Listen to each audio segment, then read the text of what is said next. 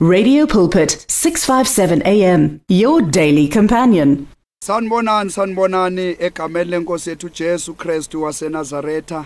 Sibonge kakhulu ukungena sihlanganyele namhlanje ntambama kulolu hlelo oluhamba phambili uhlelo olumangalisayo uhlelo olushintsha impilo zabantu uhlelo esiluthola la ku Radio Pulpit 657 AM egameni lika Jesu ngiyakhuthaza nawe njalo hlala ulalele lolu hlelo egameni lenkosi yethu Jesu Kristu kanti every Saturday nyangena every Saturday kuze kuyophela unyaka every Saturday ngo9 ntambama ngikhona la egameni lika Jesu ngiyashumayela egameni linamandla fundisa umoyo weChrist Family Assembly CFA silaphayana ke eArcadia Hotel egameni lika Jesu ePretoria. Phakathi ePretoria singena ke ngo9 ekseni inkonzo yethu egameni lika Jesu Kristu. Ngiyakholwa futhi ukuthi uNkulunkulu uzokubusisa ngelinye ilanga nje ukuzonyathela ukuzozwa izwi egameni lika Jesu Kristu waseNazaretha ngoba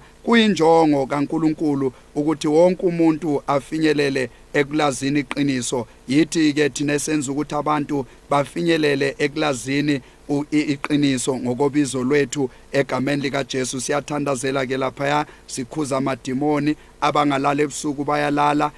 Laba abahlushwa imimoya abahlushwa ngotikoloshi abagulayo bayaphila abangasebenzi bathola imisebenzi. uNkulunkulu manje uNkulunkulu akwenzayo. Akusondele nawe uzozithathela isimangaliso sakho egameni lika Jesu Kristu. More especially makumenyezelwa kanje ngiyazi mina ukuthi nawe kukhona into ngaphakathi kuwe ethi ake ngiye ngiyobona lo mfundisi egameni lika Jesu Kristu. Ake ngiye kumfundisi umoyo akayongithandazela. Mhlawumbe isimo sami la singashintsha mhlawumbe imali zami zingakhululeka mhlawumbe izikoloto zingabhadaleka zivaleke zonke egameni lika Jesu Kristu. Mhlambe lokugula kunganyamalala mhlambe lezimpi engibhekane nazo zinganyamalala zingaphela.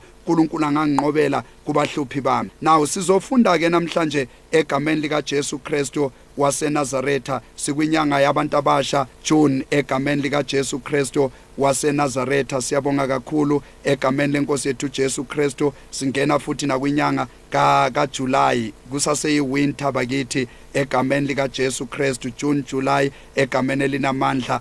Ngiyanikhuthaza kakhulu gqokani nifudumale egameni lenkosi yethu Jesu. Siyawukhuza umoya weflu egameni lenkosi yethu Jesu Kristu waseNazaretha. Wena ogulayo sithi phila in Jesus mighty name. Now sizofunda ke incwadi yethu ize chronicle eh zokuqala. First chronicles ize chronicle zokuqala. First chronicles chapter 4 verse 9 to 10 first chronicles chapter 4 verse 9 to 10 izikronike zaqala ku chapter 4 ku verse 9 to 10 ake ngiyifunde. Lithi iBhayibheli uJabezi wayetuseka kunabafowabo. Unina wamqamba igama wathi nguJabezi ngoba wathi ngokuba ngamzala ngobuhlungu. Ake ngiphinde futhi nyanga yabantu abasha le uJune noJuly ngiya extenda futhi ngena na kuJuly namhlanje egameni lika Jesu Kristo waseNazaretha. July July egameni lenkosi ethu Jesu Kristo waseNazaretha. Siyabonga kakhulu namhlanje ntambama. Now lithi iBhayibheli verse 9 uJabezi wayetuseka kunabafowabo. In other words wayehloniphekile kunabafowabo. Yayindoda yayinesithunzi futhi yayindoda nje wawuyibona ukuthi indoda emadodeni. Lisho njalo iBhayibheli unina wamqamba igama wathi nguJabezi ngokuba wathi ngoba wathi ngokuba ngamzala ngobuhlungu njengoba ephiwa leli gama elithi Jabez lisho kahle kahle ukuthi ngozalwe ngobuhlungu ngozalwe einhlungwini kahle kahle uJabez njengoba ezalwa kusho ukuthi kwakungekho mnandi la ekhaya.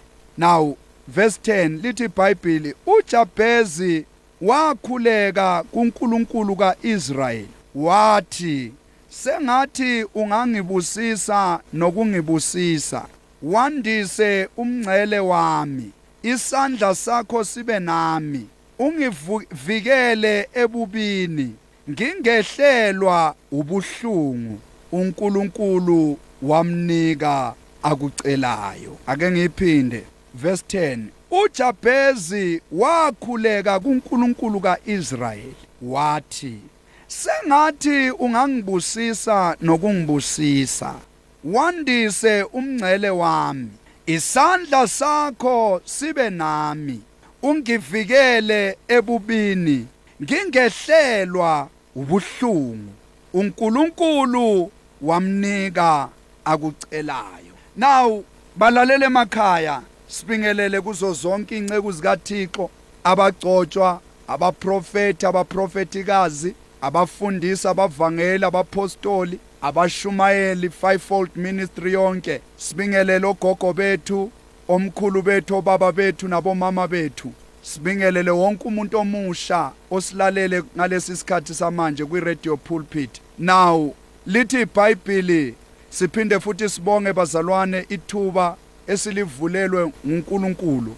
Uthi umpostoli uPaul ngelinye ilanga ku first first first Corinthians chapter 16 mawehla nayo lithi iBhayibheli uthi uthi umpostoli uPaul umnyango omkhulu nomuhle kakhulu usivulekele. Manje sizobonga kakhulu nathi egameni lenkosi yethu Jesu Kristu ukuthi ngingumfundisi umoya ngizokhuluma nawe mlalele ekhaya. Sibonga lolu hlelo. Lwe-radio pulpit. Inkosi isigcinele lona ngoba kusizakala abantu kusizakala imndeni kusizakala imphefumulo kuyo le platform. Now la esifunde khona lithi iBhayibheli kwakukhona insizwa igama layo kwakungujabhezi.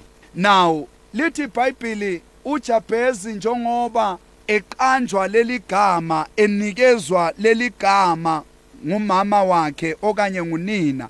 Now lithi iBhayibheli kungokuba umama wakhe umama kaJabhezi unina kaJabhezi wayeseyinhlungwini wayezidlula ebunzimeni. Isimo sakhe sasingekho mnandi isimo sakhe sasingahlekisi isimo sika mama kaJabhezi sasibhlungu ngendlela yokuthi ngisho ngisho noma esemzala uJabhezi. Nobuhlungu abuzwa bamkhumbuza ngisho nezimo adlule kuzo ngesikhathi ethwele uJabhezi so lo mfana uzalwa kanje uzalwa phakathi kweinhlungu uzalwa ngumuntu one emotional pain emangalisayo uzalwa ngumuntu one physical pain ngendlela emangalisayo now iBhayibheli mlalele ekhaya alichazi futhi alikuvezi obala ngobaba kaJabhezi. Asilizwa iBhayibheli likhuluma ngobaba kaJabhezi ngoba kwabanye eBhayibhelini siye sizwe uNkulunkulu ngisho sesivalile isibeletho kodwa siyayibona indoda la eduze.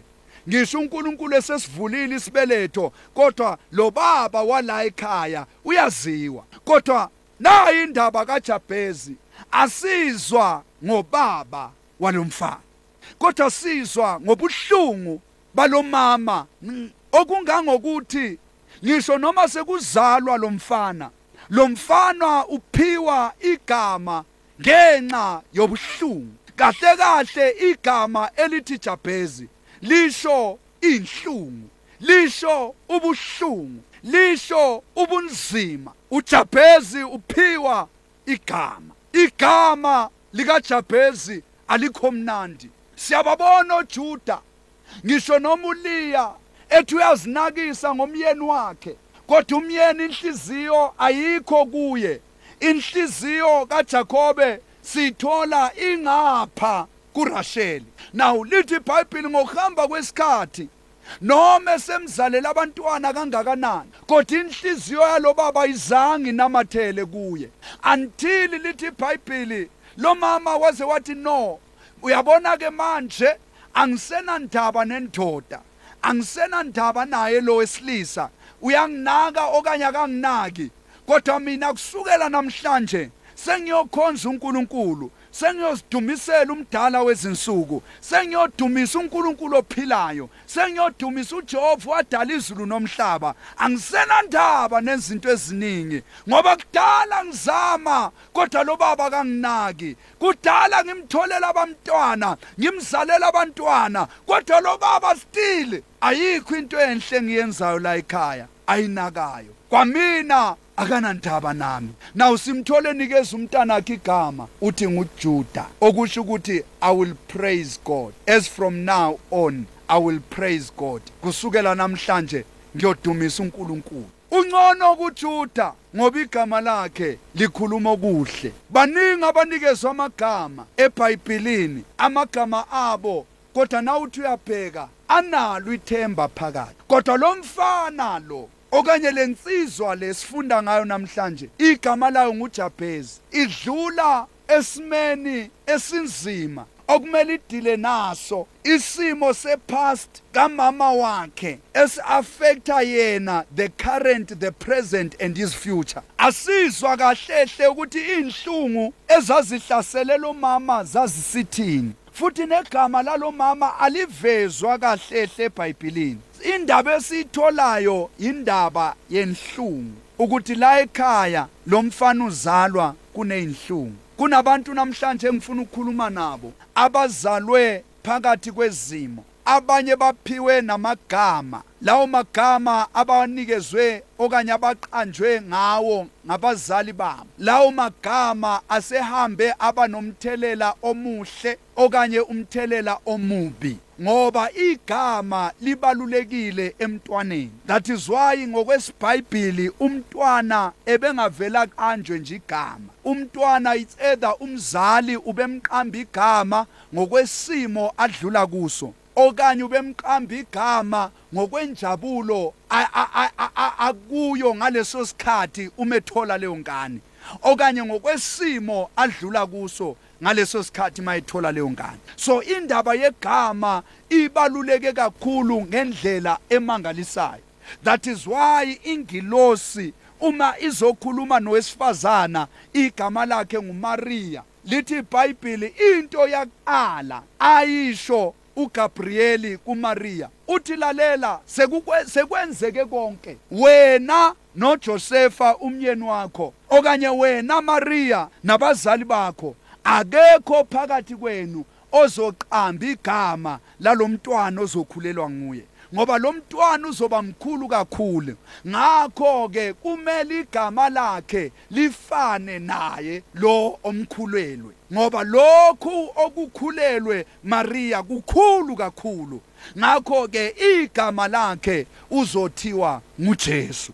So usiyabona ke mlalela ukuthi indaba yegama indaba ebaluleke kakhulu eBhayibhelini that is why igama lika Jesu akulona nje igama. Uyabona nje igama lika Jesu lithi iBhayibheli liphakanyiswe emazulwini laphakanyiswa emhlabeni laphakanyiswa emanzini laphakanyiswa ngisho nasemathunjini omhlaba. Yonke indawo igama lika Jesu liphakeme.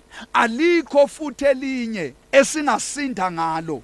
Ngaphandle kwegama likaJesu yebo mfundisi umoyo bakhona banamagama. Uyabona nje lami igama ngingubongani. Igama lami alikwazi ukukusindisa. Igama lami alinawo amandla. Kodwa igama likaJesu linamandla liyaphilisa. Igama likaJesu linamandla liyakhulula. Igama likaJesu linamandla liyaphilisa.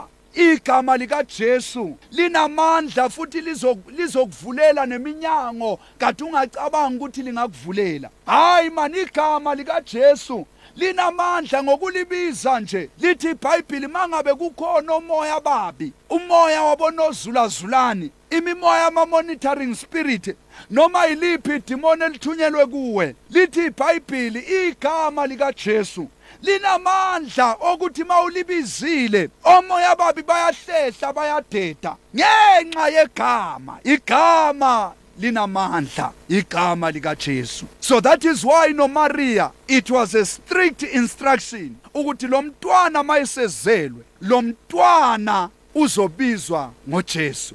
That is why wonke umuntu ozaliwe eBhayibhelini ngokwenjongo kaNkuluNkulu ubenikezwa igama. Lelo gama beliba nomthelela ekuphileni kwalowo mntwana. Naw ngizomemezela namhlanje lo mfana uJabez lithi iBhayibheli wathandaza kuNkulunkulu. Wathi Jehova ngiyakucela ngicela ungibusise. Ngicela futhi uyandise nemkhawulo yami. Yandisa ngisho namagceke ami. Jehova ngiyakucela ngicela ungiprotect ngicela ungikhusele. Naw kungani lo mfana athandaza umthandazo nje? Suyabona ukuthi kusho ukuthi lo mfana ekuphileni kwakhe zonke izinsuku zokuphila kwakhe kusho ukuthi kwakungekho nto eyayimhambela kahle uJabez kusho ukuthi igama lakhe njengoba lithi ungumuntu weinhlungu kusho ukuthi kwayena uJabez kwakuyibhadi after bhadi. Kwakuyisichitho after sichitho. Kahle kahle uJabez kwakungekho nto yayimlungela. Kahle kahle usuyabona ukuthi uJabez kwakungekho nto yakhe eyihamba kahle. Kodwa indaba ikuphi? Isegameni ngoba igama lihamba nomoya wakhona. Na uyathandaza kumfana uthi Jehova ngibusisa Jehova ngiphakamisa Jehova qhelisa amagceke ami. Jehova ngicela ungikhusele ezitheni zami. Hayi izulu ngoba liyaphendula. Lithi iBhayibheli uNkulunkulu wawuzwa same time umthandazo womfana. Wacorrecta isimo segama. Lithi iBhayibheli uNkulunkulu wamphendula wamnikeza lokho akucelile. Namhlanje ngizorefesa amagama abantwana. Lithi naw abanye abantwana umangale lo mntwana wahlukumezeka kanje. Kwenze njani? Impilo yalomntwana ihambi kahle. Nasesikolweni akaphumeleli. Noma esephumile euniversity kodwa yikho into emhambela kahle. Kwenze njani? Lo mntwana wagcwala ubufirifiri kanti uphiwe igama kwathiwa ngumfirifiri. Lo mntwana wahlala eshawa ngabantu ekhala kanje. Kwenze njani? Kanti lo mntwana uphiwe igama mhlambe kuthiwa ngudikeleti. Lo mntwana uhlala ekhala njalo kuhlala kuphuma inyembezi njalo.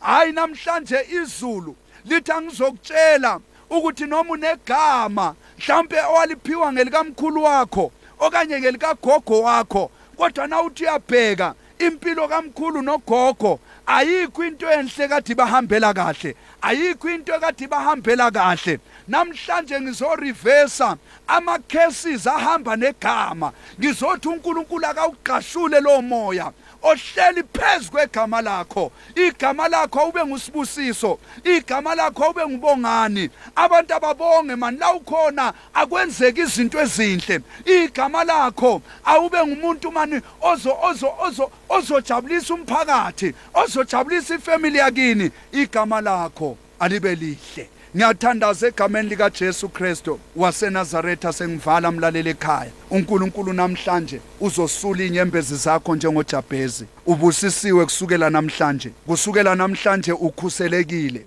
Kusukela namhlanje uNkulunkulu useqhelisile nemkhawulo namagceke akho. La kade kunama limitations khona wasekho. Egameni lomfelo wethu Jesu Kristu waseNazaretha.